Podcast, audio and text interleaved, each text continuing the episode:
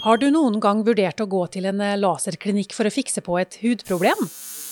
Kanskje du har en gammel tatovering du vil fjerne, eller uønska hårvekst du er lei av å barbere bort? Eller en irriterende pigmentflekk i ansiktet? Men så er du usikker på om det er trygt å bruke laser. Da bør du henge med videre. Hvis du bare er nysgjerrig på hva laserbehandling går ut på, så er det også mye å lære i denne episoden.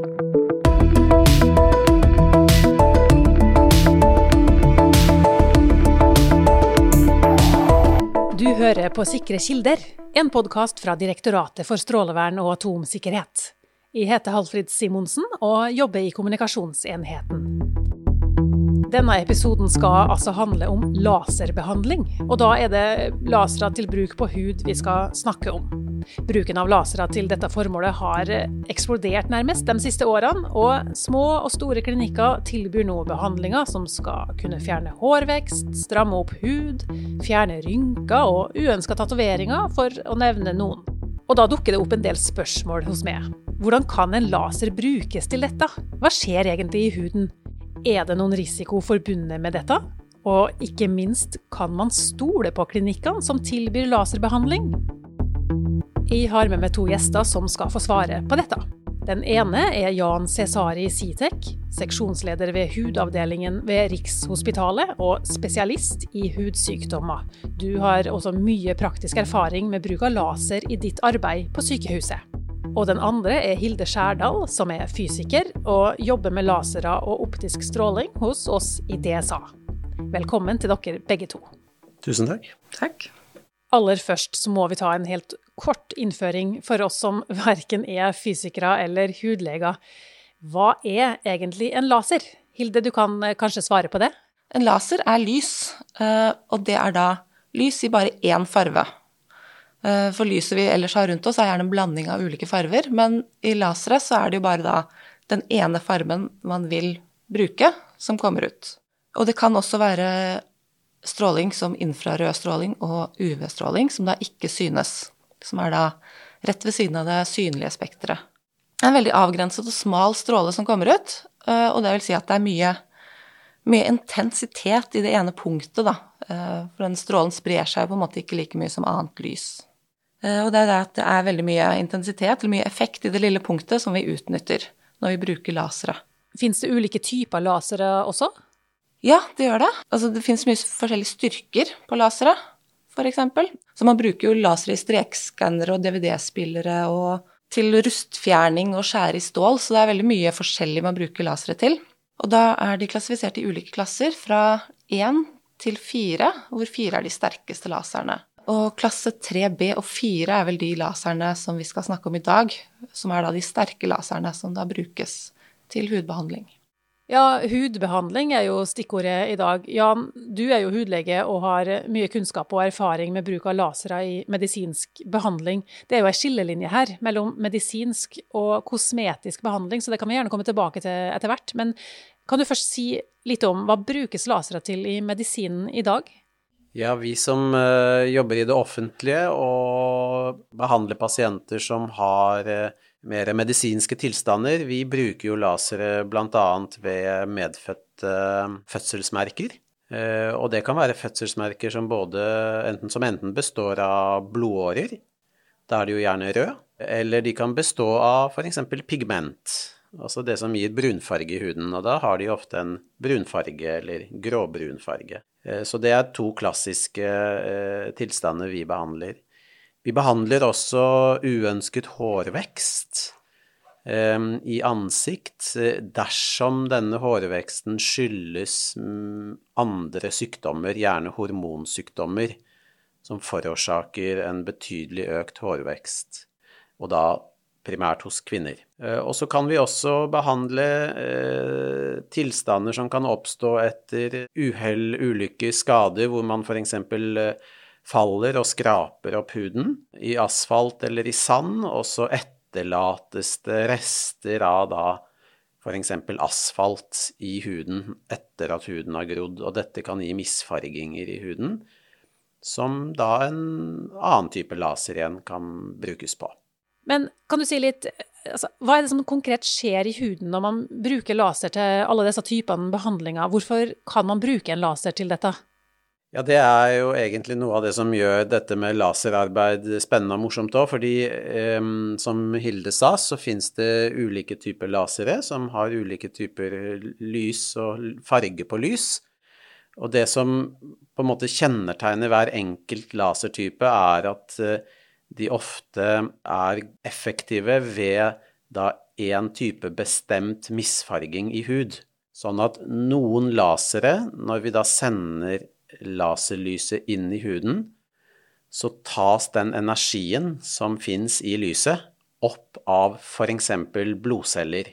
Eh, da må vi bruke en såkalt blodkarslaser. Og da tas energien opp i egentlig det som kalles hemoglobin i blodet, i, i blodet vårt. Og så ved at energien tas opp der, så kan vi ødelegge blodkaret. Mens med en annen type laser, som da bruker en annen bølgelengde, så kan vi f.eks. sende inn en tilsvarende lysstråle i huden, og så er det kanskje et mørkt pigment som tar opp energien.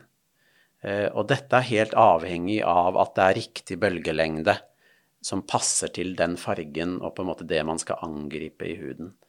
Så, så det gjør nettopp at laser er en rekke forskjellige hva skal vi si, eh, Det er en rekke forskjellige maskiner som benyttes som tilpasses egentlig hver enkelt uh, sykdom.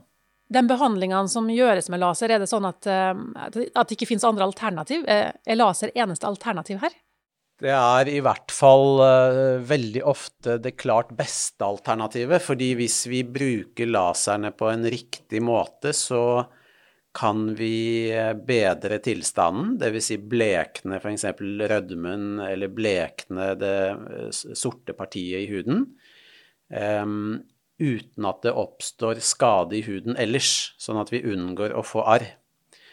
Alternativet kan jo for så vidt være å kanskje strålebehandle, faktisk, eller å gjøre kirurgi, da, og skjære. Men da er det jo en helt annen, hva skal vi si, et helt annet sluttresultat med tanke på f.eks. arr. Så det er jo laserens kanskje aller største fordel, det er at vi kan få gjort mye uten at eh, man ser noen negative konsekvenser av det. Men det forutsetter at laserne brukes på en eh, riktig måte. Og vil si at man er god og har erfaring med å veie effekt. For vi må gi høy nok dose, men samtidig ikke gi så høy dose at vi kan skade huden. For det kan også skje med laserbruk.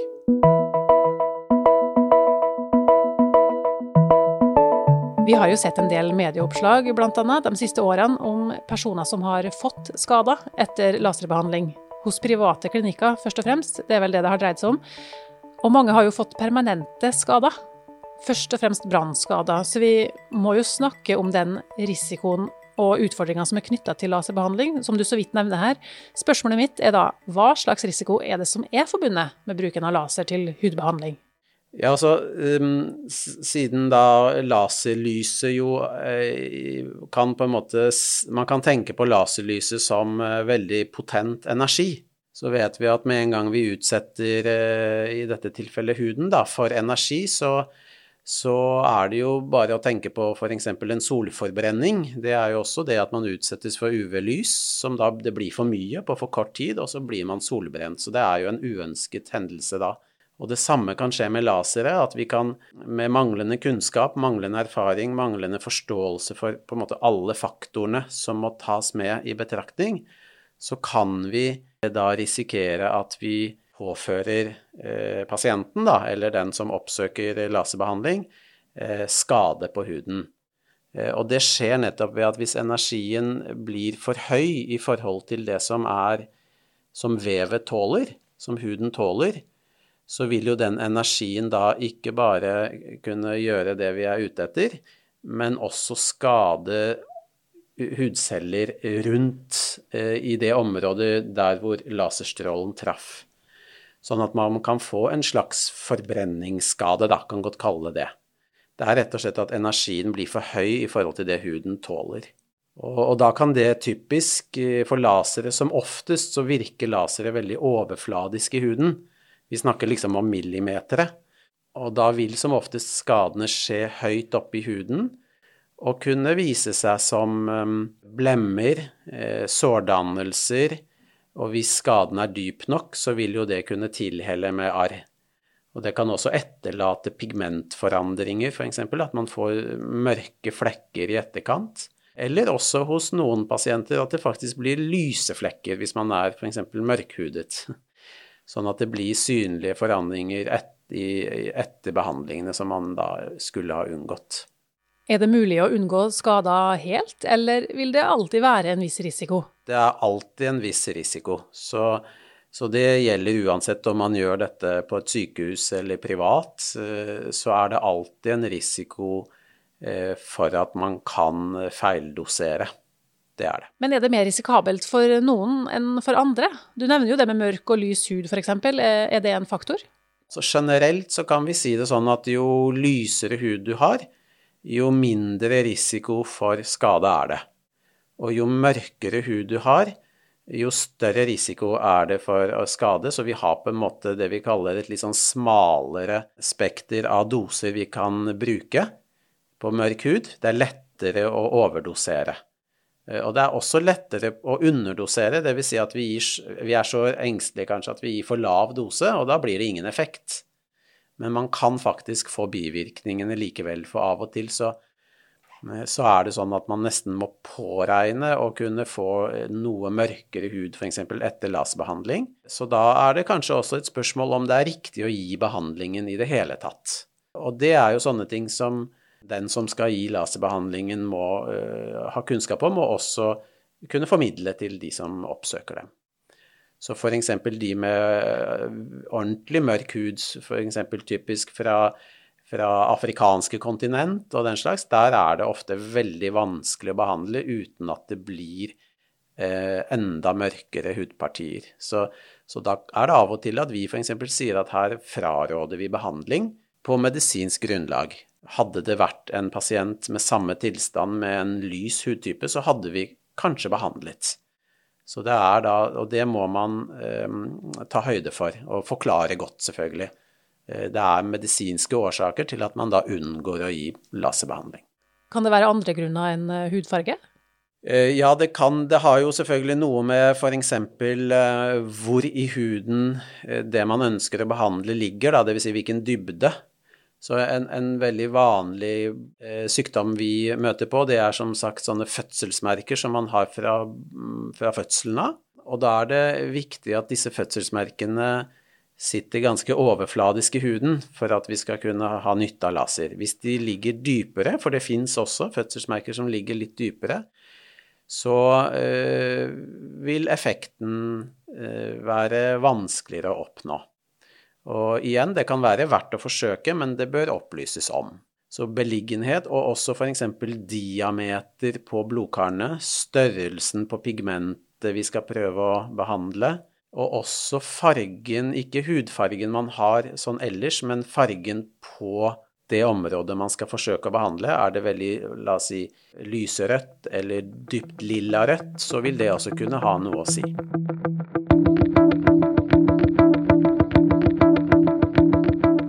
Skal vi gå videre til å snakke litt om hva man som ja, hva skal man si, pasient eller kunde eller bruker skal tenke på hvis man vurderer å gå til en privat og få utført laserbehandling. For det du snakker om nå er jo mye som er viktig at en behandler skal vite. Og som vi allerede nevnte, så har det skjedd en voldsom økning i tilbydere av hudbehandlinger privat som involverer laser. Og da lurer jeg på, eh, kanskje du Hilde kan si litt om hvordan er det? Hvem kan starte opp et sånt tilbud? Kan hvem som helst gjøre det? Det er jo et regelverk som ligger i bunnen her, som er strålevernforskriften. Og der står kravene. Og det er krav om at alle som da skal tilby laserbehandling, skal ha en ansvarlig lege som er tilknyttet virksomheten.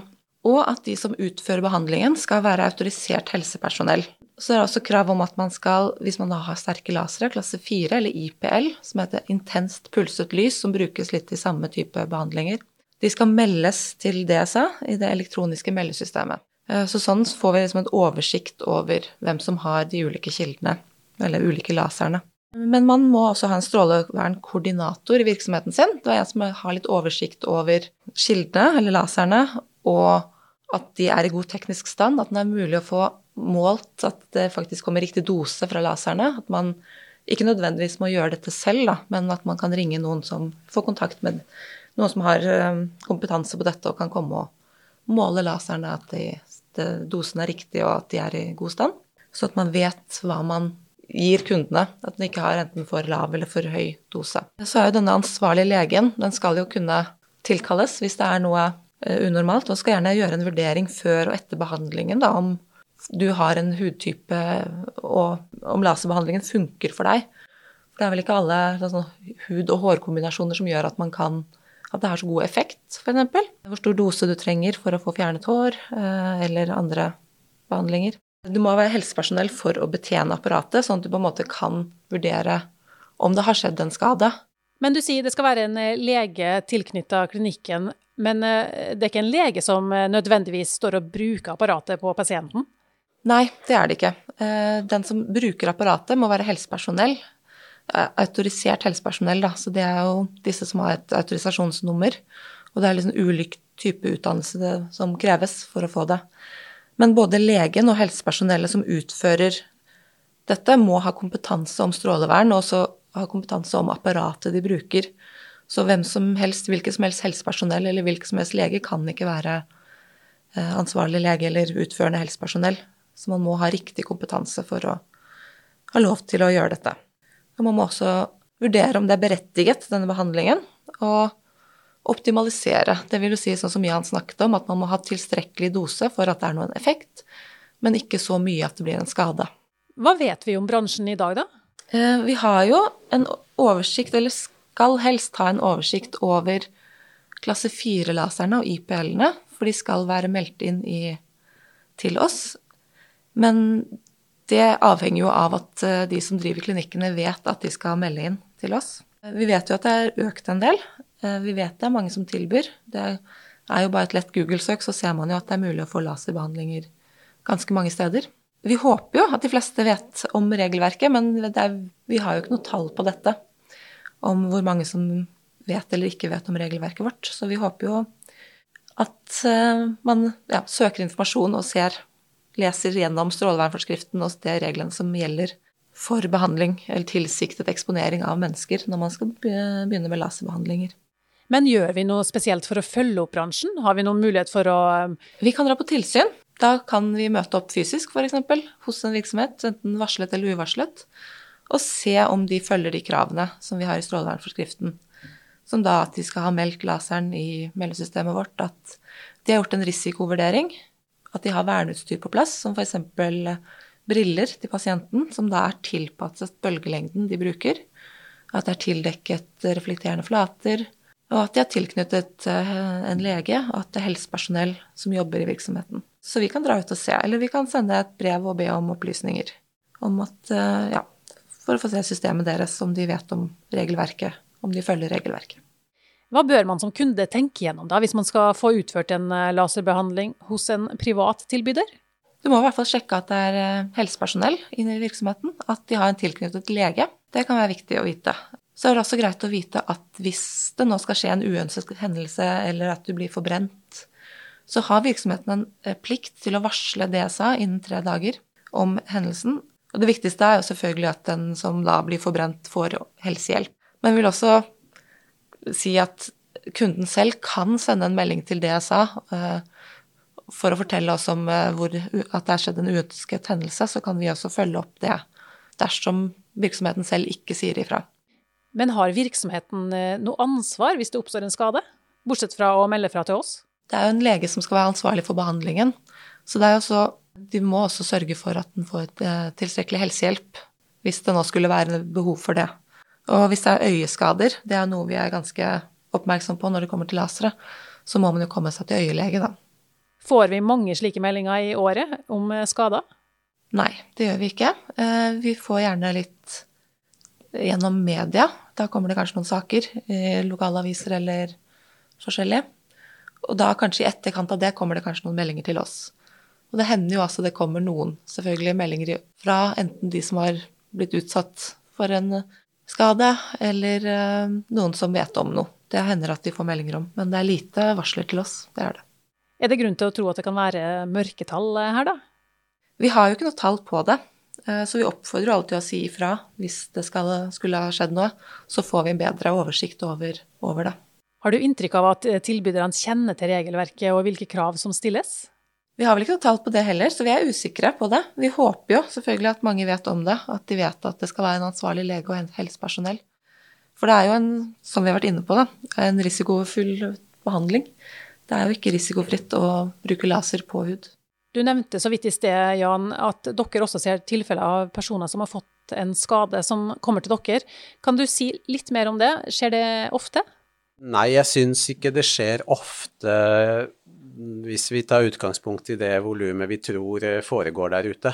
Dette er jo lasermaskiner som jo selges av noen få leverandører. Så f.eks. når vi kjøper ny lasermaskin, så har vi jo en anbudsrunde, så vi ser jo at det er jo de samme firmaene som, som selger. Så det jeg liksom tenker på, er er det noen mulighet for å Eh, legge inn noe der, at når man selger en maskin, så mm, har de ulike firmaene som selger da en slags plikt til å kanskje vedlegge noe informasjon rundt dette. Fordi jeg tror at det er mye vanskeligere å nå fram til alle lasertilbyderne, som eh, vi heller ikke har noen oversikt over. Jeg tror det er mye vanskeligere liksom å nå fram til dem, men, men siden eh, kjøp av lasermaskiner går via noen få forhandlere, så kunne jo det vært en en, en mulighet da, å nettopp nå ut med informasjonen. Nå toucher jo du inn på et egentlig ganske viktig spørsmål her. Altså, er denne bransjen som tilbyr behandling med laser godt nok regulert, eller burde vi gjort noe mer her? Jeg kan jo bare hva skal vi si, si hvilke erfaringer vi gjør. Altså, og, og, vi ser jo at for å, bli, for å bli en god og trygg laserbehandler, så trenger du jo kunnskapen. Du må forstå litt hva du driver med. Du må forstå alle variablene, altså alle de forholdene som må tas med i, i betraktningen før du velger å behandle noen. Og så trenger du praktisk erfaring. Og det tar tid hos oss, og våre leger som utdannes hos oss, de, de får ikke lov til å ha sine egne økter før etter ganske lang opplæring. Eh, og da tenker jeg at når dette er overlatt så til hva skal vi si, tilfeldighetene der ute, så er jeg redd at eh, at uh, mye av laserbehandlingen enten er for uh, lite effektiv, rett og slett. At man kanskje er på en litt mer sånn sikker uh, Man behandler det litt for Hva skal vi si Man, man tør ikke å, å, gi gode, høye nok doser. Det vet vi bl.a. fordi når vi har maskiner hos oss, så har de ofte standardinnstillinger som fabrikkene har laget, som på en måte skal være trygge og gode men vi ser jo at for å få en reell effekt, så må vi ofte utenom de standardinnstillingene. Jeg vet ikke hvordan dette foregår der ute, men det er klart at uh, det går an Det kan hende at man underbehandler, behandler for, for dårlig. Eller så kan det også være dette som jo er mer, kanskje mer alvorlig, dette at man ikke helt kjenner begrensningene og, og, og, og skyter for hardt, da, for å si det sånn. Gi for høye doser. Så, så, for oss så framstår eh, dette uregulerte lasertilbudet som, som, jo vokser, som veldig uoversiktlig. Og det syns vi er uheldig. Hva tenker du eh, Hilde, kan man se for seg at det burde vært noe strengere regulering her? Det er jo en regulering, så problemet er vel om den er godt nok kjent, og om den følges, tenker jeg. Og selvfølgelig også da kompetansen der ute, da. At man har god nok kompetanse om både strålevern og hvordan man bruker apparatet, sånn at det får den effekten det skal. Så håper vi også at de forhandlerne som selger de apparatene, informerer eh, og også liksom har gjerne en serviceavtale med de eh, de selger til. Men vi tror jo også at det blir eh, kjøpt en del maskiner fra utlandet via internett. Og da tenker vi at det er mye verre å nå fram til de som da tilbyr behandlinger med apparater kjøpt over nettet. Har vi sanksjonsmuligheter? Kan vi dra ut og inndra laseren til noen som vi har fått et varsel mot? Det kan vi nok. Vi kan i hvert fall Hvis det er akutt helsefare, så mener jeg at vi kan inndra den laseren. Vi kan også ha, ha virkemidler som tvangsmulkt. Sånn at hvis du ikke bedrer dette forholdet innen så og så lang tid, så begynner det å løpe en bot. Og man kan vel også da anmelde eh, hvis det skulle være så ille. Så det er virkemidler som vi kan bruke. Jeg har et spørsmål som egentlig går til dere begge to. Ville du selv gått til en privat klinikk og fått utført en laserbehandling? Jan, du kan jo få starte. ja. Jeg vet om private laserklinikker som jeg stoler på. Vi får pasienter til oss som vi eh, konkluderer med at vi ikke har noe tilbud om behandling av ulike årsaker. Det kan være at er, si, sykdommen ikke er blant de vi behandler, eh, eller at eh, vi ikke har den lasermaskinen som trengs for akkurat den forandringen. Og da vet jo vi om noen klinikker som vi eh, har erfaring med, eh, opererer eh, bra. Men det er et lite antall.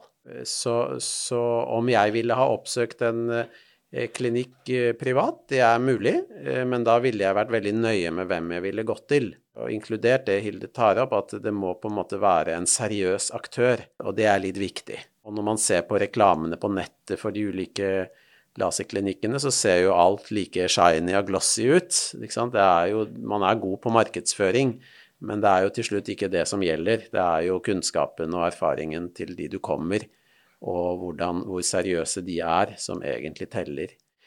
Og, og et annet aspekt er jo f.eks. at altså når pasienter kommer til oss, så prøver jo vi å bruke hver eh, time så effektivt som mulig, sånn at eh, pasienten skal få en vellykket behandling på, på så få behandlinger som mulig. En privat klinikk eh, vil jo av og til også ha vil ikke ha det samme kanskje insentivet, fordi de ønsker jo å fortsette å kunne ha pasientene til flere behandlinger, fordi det er en annen økonomisk modell som ligger bak.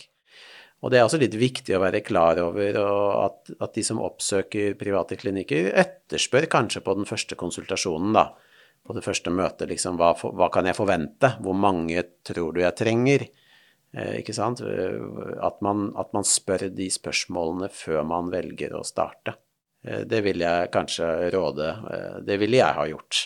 Du da, Hilde? Jeg ville nok undersøkt nøye hvem jeg hadde gått til. Så godt man kan klare å undersøke selv. At de er klar over regelverket, at de har lege i nærheten som de kan konsultere. Også når man da kommer dit, om de da ser litt hvordan de går fram. Eh, om de tester at behandlingen virker, kanskje, litt først. Om de, eller om de bare går rett på og går for noe standardinnstilling man kanskje ikke er helt uh, sikker på om virker eller ikke. Altså det er jo, Man kan jo spørre, stille spørsmål underveis under behandlingen, tenker jeg, og, og vurdere litt da om de virker som de er profesjonelle, om de kan det de driver på med. Ja, for det finnes ikke noen sertifiseringsordning, ikke sant? Det er ikke noe bransjeoversikt man kan bruke som et utgangspunkt for å finne en seriøs eh, aktør? Nei, det er det ikke. Så man må nok eh, stole på seg selv og gjøre gode undersøkelser før man da går til en laserbehandler. Men eh, det er ingen av dere som vil fraråde å dra til behandling utenom det offentlige? Nei, det tenker jeg det, det, er det ikke noe grunn til. Så man skal, man skal, kunne stole på at man får god hjelp, men jeg tror det er lurt å stille de spørsmålene både før og underveis. Og, og vite at det fins ulike kanskje nivåer da, på kompetanse og erfaring der ute. Du har hørt en episode av Sikre kilder, en podkast fra Direktoratet for strålevern og atomsikkerhet. Hvis du liker podkasten vår, blir vi glad hvis du deler den med folk du kjenner. Trykk gjerne på følg- eller abonner-knappen der du fant denne episoden, så får du beskjed når det kommer nye episoder. Har du noe på hjertet, tar vi gjerne imot ris eller ros på e-post til kommunikasjon at dsa.no. Vil du vite mer om temaet lasere? Gå inn på dsa.no – laser og lys for mer informasjon.